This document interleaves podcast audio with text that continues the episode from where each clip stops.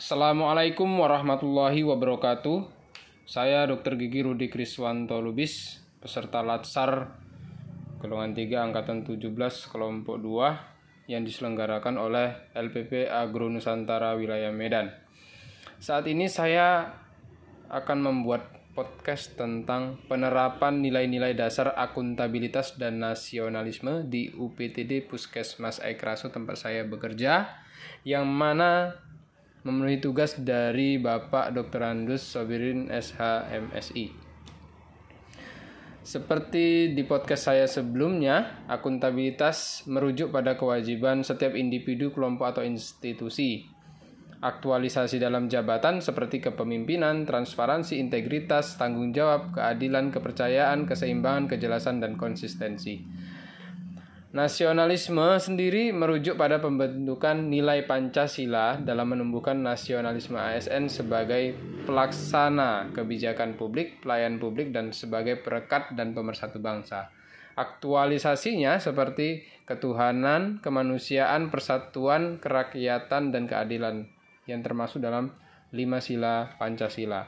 Jadi penerapan akuntabilitas di tempat saya bekerja seperti yang pertama, disiplin dan tanggung jawab untuk datang tepat waktu untuk mengikuti apel dan arahan dari kepala puskesmas.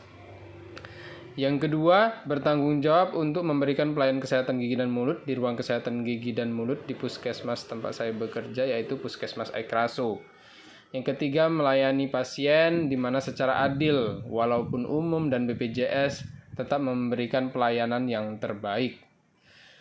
Kemudian yang selanjutnya memelihara dan mengontrol peralatan inventaris dari Dinas Kesehatan Labuan Batu Selatan di dalam ruang pemeriksaan gigi dan mulut.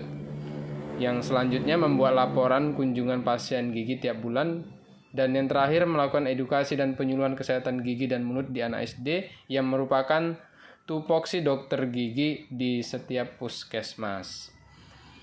Kemudian untuk nilai-nilai dasar nasionalisme yang saya lakukan seperti mengerjakan ibadah sholat juhur saat waktu istirahat sholat dan makan. Kebetulan di puskesmas tempat saya bekerja sangat dekat dengan masjid raya. Yang kedua melaksanakan gotong royong setiap hari Jumat yaitu memiliki rasa kebersamaan dan kepedulian terhadap kami sesama di staf Puskesmas Ekraso. Yang ketiga, tidak membeda-bedakan pasien dari berbagai aspek seperti usia, jenis kelamin, dan status sosial. Selanjutnya mengikuti meeting bulanan dan minilog setiap bulan di Puskesmas Ekraso. Yang terakhir adalah melakukan edukasi kepada pasien agar memohon kesembuhan kepada Allah Subhanahu wa taala karena dokter gigi hanyalah perantara. Demikianlah nilai-nilai dasar akuntabilitas dan nasionalisme yang dapat saya terapkan di UPTD Puskesmas Aikraso. Kurang lebihnya saya mohon maaf. Wabillahi taufiq walhidayah. Assalamualaikum warahmatullahi wabarakatuh. Terima kasih. Assalamualaikum warahmatullahi wabarakatuh. Saya Dr. Gigi Rudi Kriswanto Lubis peserta Latsar golongan 3 angkatan 17 kelompok 2 yang diselenggarakan oleh LPP Agro Nusantara wilayah Medan. Saat ini saya akan membuat podcast tentang mind map tentang akuntabilitas dan nasionalisme yang merupakan tugas dari Bapak Dr. Andus Haji Sobirin SHMSI. Akuntabilitas adalah kewajiban setiap individu, kelompok, atau institusi untuk mengetahui tanggung jawab yang menjadi amanahnya. Akuntabilitas sering disamakan dengan responsibilitas. Namun, kedua konsep ini berbeda. Responsibilitas adalah kewajiban untuk bertanggung jawab. Akuntabilitas terbagi atas dua, yaitu akuntabilitas secara vertikal dan akuntabilitas secara horizontal. Aspek-aspek akuntabilitas. Yang pertama, akuntabilitas adalah sebuah hubungan. Yang kedua, akuntabilitas berorientasi kepada hasil yang ketiga, akuntabilitas membutuhkan adanya laporan. Yang keempat, akuntabilitas memerlukan konsekuensi. Yang kelima, akuntabilitas memperbaiki kinerja.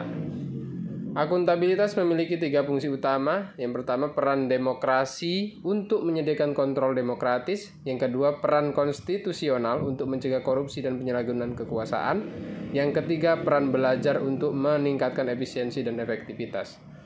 Tingkatan akuntabilitas. Yang pertama, akuntabilitas personal. Yang kedua, akuntabilitas individu. Yang ketiga, akuntabilitas kelompok.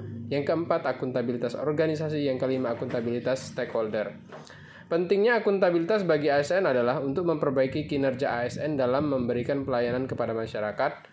Dalam hal ini, proses setiap individu atau kelompok institusi akan diminta pertanggungjawaban secara aktif yang terlibat dalam proses evaluasi dan berfokus pada peningkatan kinerja.